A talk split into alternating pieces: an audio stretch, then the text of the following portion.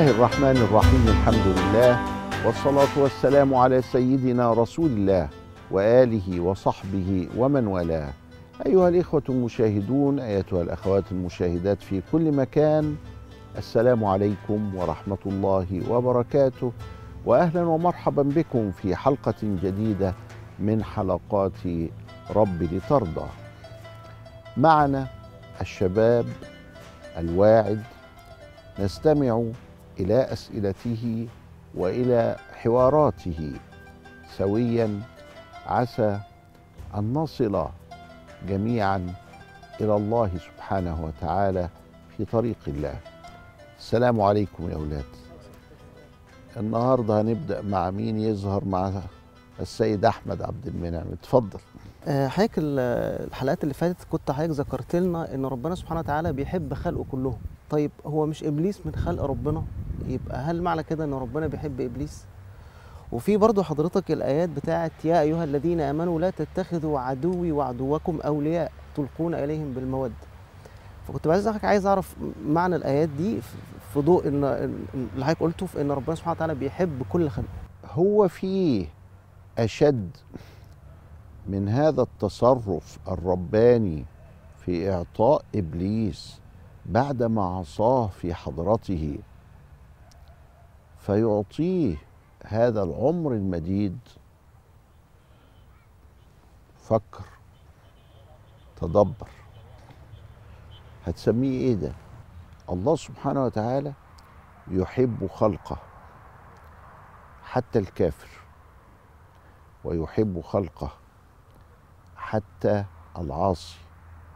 ويحب خلقه من حيثية معينة أن هذا الخلق من صنعته لكنه مع ذلك يكره لهم صفات معينة. فالله سبحانه وتعالى لا يحب الفساد.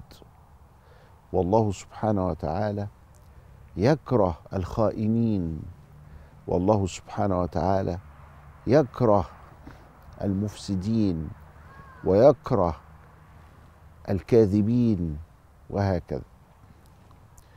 اذا فعلينا أن نعلم أن لكل شيء جهة فالحب يتعلق بجهة المخلوقية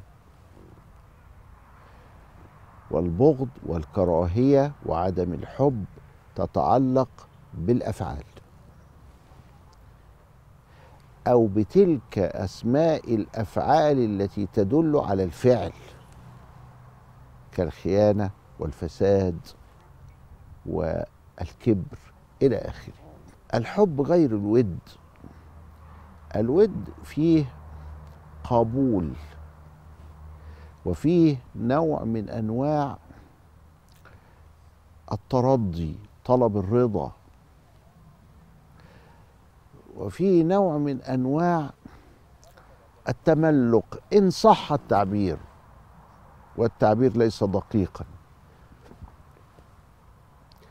فعندما أودك يعني أسعى لكسب ودك فلا بد كده إن أنا يعني أظهر لك عدم الاعتراض وأظهر لك المؤاكلة والمشاربة وكأنه ليس هناك أمر بالمعروف ولا نهي عن المنكر ولا إنكار لهذا الفعل الذي تقوم به إن كنت قد ابتليت به. الله أرشدنا إلى غير ذلك وجعل الدين النصيحة وجعل الأمر بالمعروف والنهي عن المنكر من مقتضيات الدين وجعل إنكار الفعل السيء من مقتضيات الدين. ولذلك قالوا اكره المعصية ولا تكره العاصي. هذا هو المفهوم الأرقى للإنسانية أن تكره المعصية وتكره الانحراف وتكره الكفر. ولا تبغض ولا تكره احدا لذاته. فإن هذا الذي تكرهه اليوم عندما غدا يفعل الصالحات والخير وكذا ويوفقه الله سبحانه وتعالى تحبه. اذا أنت لم تكن تبغضه لذاته ولا تحبه لذاته.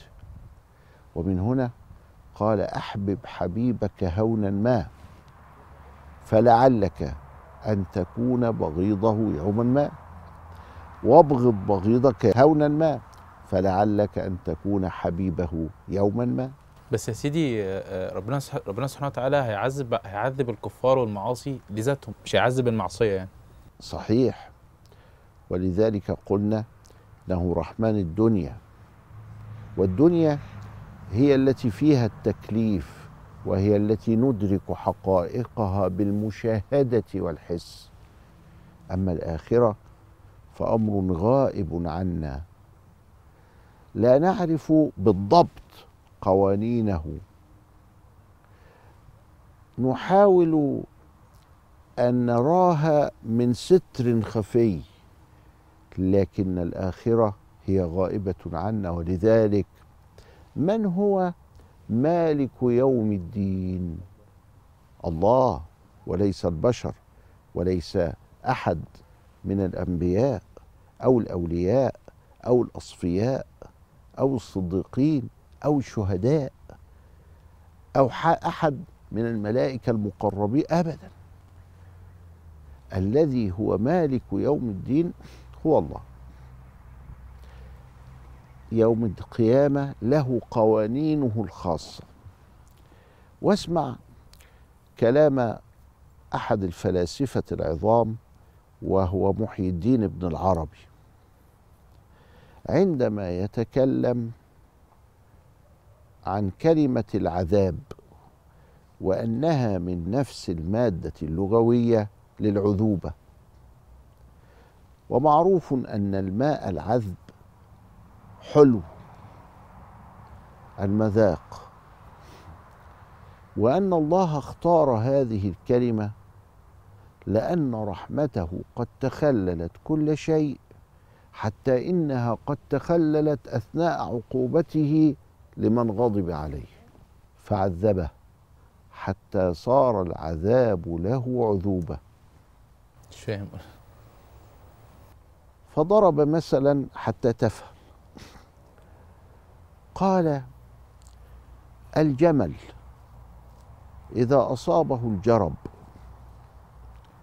فإنه يرغب في شهوة الحكة. يريد أن يحتك بجسمه. حد يهرش له في الجرباية بتاعته دي. مرض جلدي يصيبه. فيذهب إلى النخلة أو إلى الشجرة الجمل ويجلس يحك جلده فيها حتى يتلذذ بهذا الهرش لضعف الجلد ينزل منه الدم فيدمى فيتألم مع مزيد اللذة. بيتألم وبيلتذ بالألم. وضرب مثلا آخر. حتى ترى تداخل الأشياء تقريبا لذهنك وليس إدراكا لك للحقيقة فإنها لا تدرك إلا يوم القيامة. لا تدرك إلا يوم القيامة.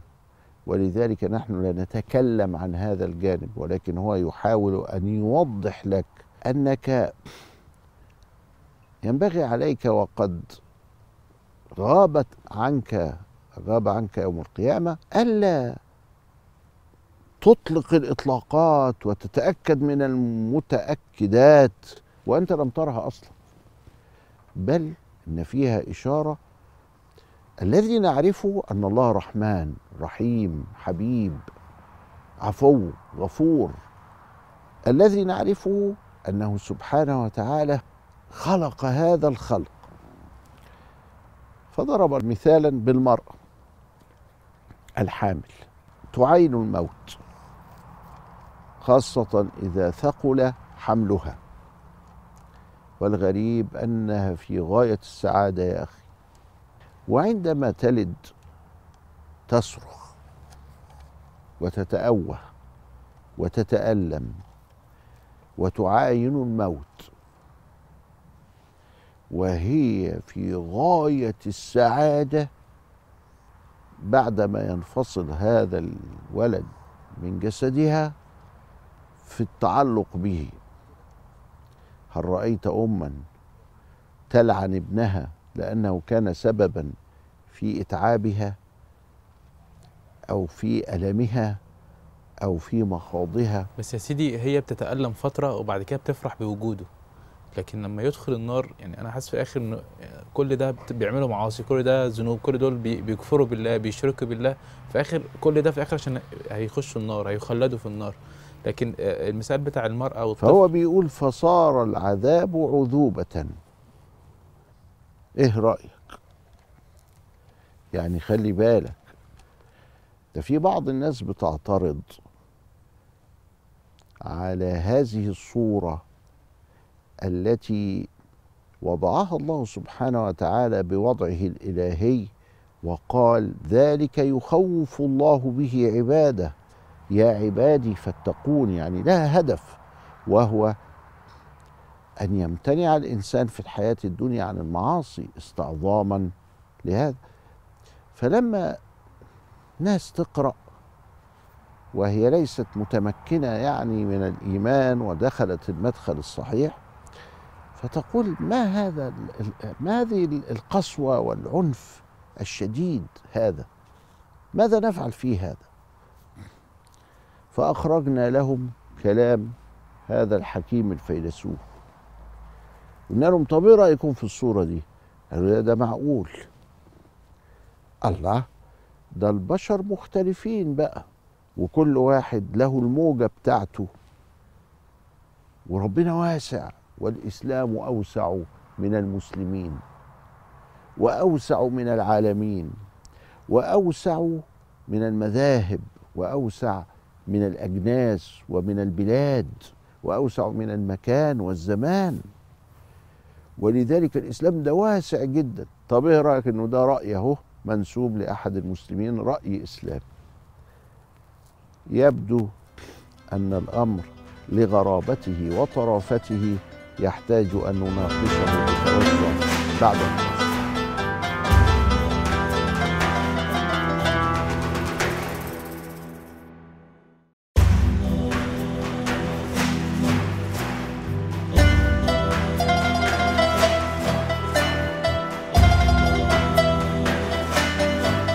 بسم الله الرحمن الرحيم.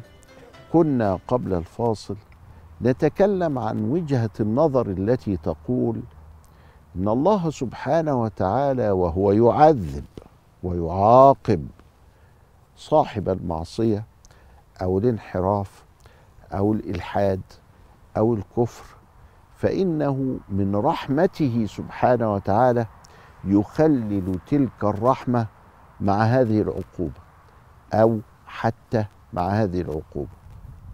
وضربنا مثلا كيف يتحول العذاب إلى عذوبة بذلك الجمل الاجرب وضربنا مثلا لاختلاط المعاني بالمرأة الحامل الواضح ويضرب الإمام القرافي مثلا آخر وهو أن المصالح تتداخل مع المفاسد بصورة عجيبة. فما من مصلحة إلا وتشتمل على مفسدة يا أخي وما من مفسدة إلا وفيها مصلحة. فمن الذي يحدد المفاسد والمصالح؟ وضرب مثالا لذلك عندما تريد أن تحضر الطعام أمامك قطعة من اللحم. إذا أردت أن تأكلها كما هي فإنها تصعب عليك لا تستطيع. فتحتاج إلى أن تأتي بالنار وبالماء وترمي اللحم في الماء فيصير مرقا وتضع عليه ملحا فتصير أطيب وبعد هذا تستطيع أن تأكلها فتتمتع بها. ثم عندما تتعود على أكل اللحم كان سيدنا عمر يقول إن له لضراوة أشد من ضراوة الخمر. يعني كأنه كأنه يسبب عند سيدنا عمر نوع من أنواع التعود والإدمان كده يعني. ما يستطيعش الإنسان الذي يأكل اللحوم أنه يمتنع عنها فجأة كأن شيئا بداخله يدعوه إلى هذا الصنف من الطعام. حتى تصل إليه فإنه لابد عليك أن توقد النار وفي أثناء وقدك للنار إيقادك للنار تتلسع. وبعدين تشيل الإناء من على النار فتتلسع برضه. لكن لأجل الورد يتسقل عليه أنا هو في مصلحة للطهو لكن في مفسدة بالنار. وبعد ما تاكله تتلكم برضه مولانا. لا هو لو كترت من اللحمة يجي لك نقرس. ربنا يبعده عن ال- السامعين اللي هم بيسموه مرض الملوك اللي هو اليوريك أسيد. اليوريك أسيد يزيد والعياذ بالله في الجسم وتبقى الأوضاع مش هي. وهحكي لك حاجة لطيفة عن القاضي عبد الوهاب المالكي. أيوه يا أحمد. حضرتك مع شرح حضرتك لموضوع إن ال- العذاب جاي من مادة العزوبة. افتكرت الآيات اللي بتتكلم عن إن الله سبحانه وتعالى ذكر العذاب بصفة أليم أو شديد أو مهين. طب إزاي يبقى في عذاب مهين أو عذاب أليم وتبقى جاية من العزوبة برضه. يجيبك على هذا علماء النفس أن هناك بعض الأمراض وهذا العاصي نقول له كأنك مريض. يتلذذ فيها المريض بتعذيبه. ويسموها ماسوشيست. الماشوستية دي يعني مرض بيصيب والعياذ بالله. الناس الناس فطرتها أنها تكره العذاب وفطرتها السليمة أنها تبعد عنه وفطرتها السليمة أنها تكون كذلك. وإذ بطائفة من الخلق وكأن الله سبحانه وتعالى يعلمنا أو يرشدنا إلى هذا تتلذذ بتعذيبها وتتبسط قوي. هذا منحرف. طب ما هو أهل النار يعني مش منحرفين؟ ما هم منحرفين. أهل النار يعني آه، آه، أولياء؟ ابدا والله. أهل النار عصاة وأهل النار حاجة مقرفة للغاية. ولكن في نهاية الأمر نحن نتكلم على نقطة معينة وهي هل الله سبحانه وتعالى كما يريد بعض الملاحدة أن يصوروه. أنه فيه قسوة أو أنه سبحانه وتعالى في النهاية عندنا قبل غيرنا من الرحمة والعفو. هذا هو الذي نتكلم فيه. نعم هناك عقوبة. ونعم هناك انحراف ونعم هناك شدة وألم وعظم لهذا العذاب ولكن نحن نتكلم على قدرة الله سبحانه وتعالى التي أرانا بعضها في الدنيا من أنه قادر سبحانه على الجمع بين المعاني المختلفة. يقيمها في ذات واحدة من جهات متعدده هذا هو الذي نريد أن نركز عليه. ضربوا لنا الأمثلة من أجل أن نتفهم أن الله على كل شيء قدير وأن الله سبحانه وتعالى في غاية الحكمة وأن الله سبحانه وتعالى في منتهى التسمي بأسمائه. كل اسماء الله صفات. وإذ بي يسميها ولله الأسماء الحسنى. لماذا؟ يبقى لازم نعرف الفرق بين الاسم والصفة. الاسم علم على الذات والصفة معنى قائم بالذات. فالرحمة والعلم والإرادة والقدرة معاني قائمة بالذات. لكن من هو الرحمن؟ على طول الذهن ينصرف إلى الله. اذا صارت كلمة الرحمن بالرغم إنها صفة صارت اسما لأن الذهن ينصرف إليها مثل الأعلام الداله على الداله على الذات. يبقى علم وينصرف الذهن إلى رب العالمين يبقى اذا دي أسماء ما هي الصفات. في حقيقتها صفات ولكن وصلت إلى حد الأسماء. الذي نعالجه الآن هو. هل الله قادر على أن يجمع المعاني المختلفة في ذات واحدة؟ نعم قادر على ذلك. أدي بس الحكاية هنا. نعم. يعني أنا ب- بحاول ان أنا بفكر يعني هل ال- اللذة دي ممكن تكون جاية من فكرة التسليم؟ يعني إن هو يعني هم عارفوا قدر ربنا خلاص ومتلذذين بالتسليم ليه؟ إن هو خلاص طالما اختار لهم دي يبقى هو كده هي اللذة ممكن تكون جاية من كده؟ اللي هم أهل النار؟ آه. لا الكلام اللي إحنا بنقوله ده بنقوله في الدنيا. في الآخرة ستجد الجميع قد انكشفت له الحقيقة بما يلجم لسانه.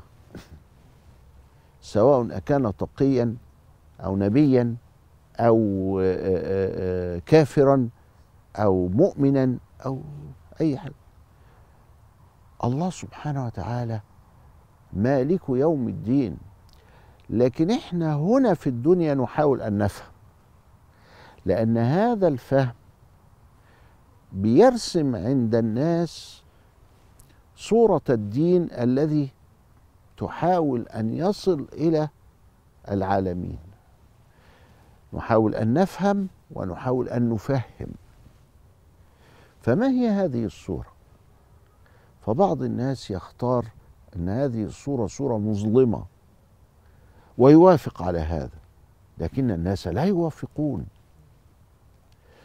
وأيما شخص أو رجل أو امرأة خاطب الناس بما لا يصل إلى عقولهم إلا كان فتنة عليهم.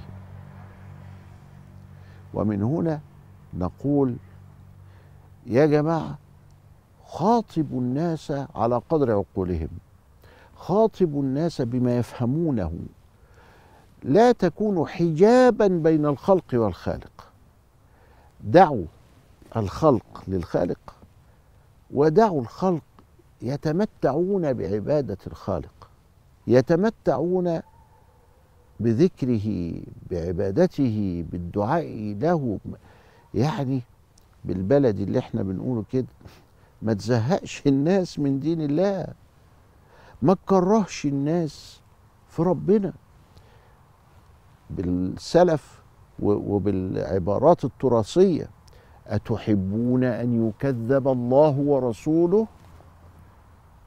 فساعات إحنا بنرتكب خطأ فظيع وهو إن إحنا بنشوه الصورة بناء على قصور فهمنا.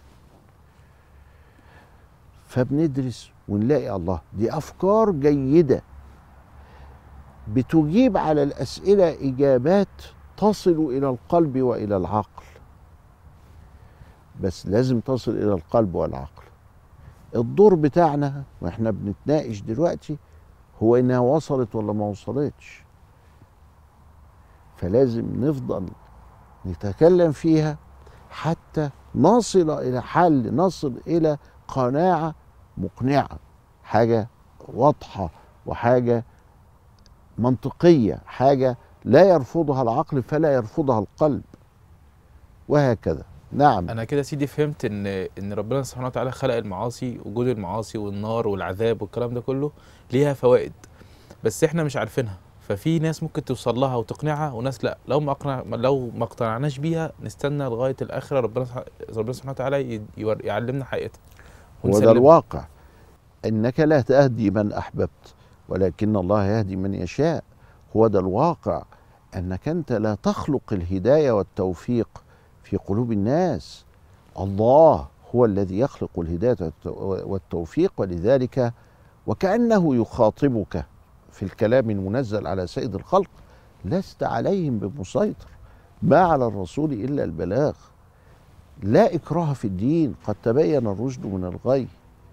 قل الله ثم ذرهم في خوضهم يلعبون. إلى لقاء آخر أستودعكم الله.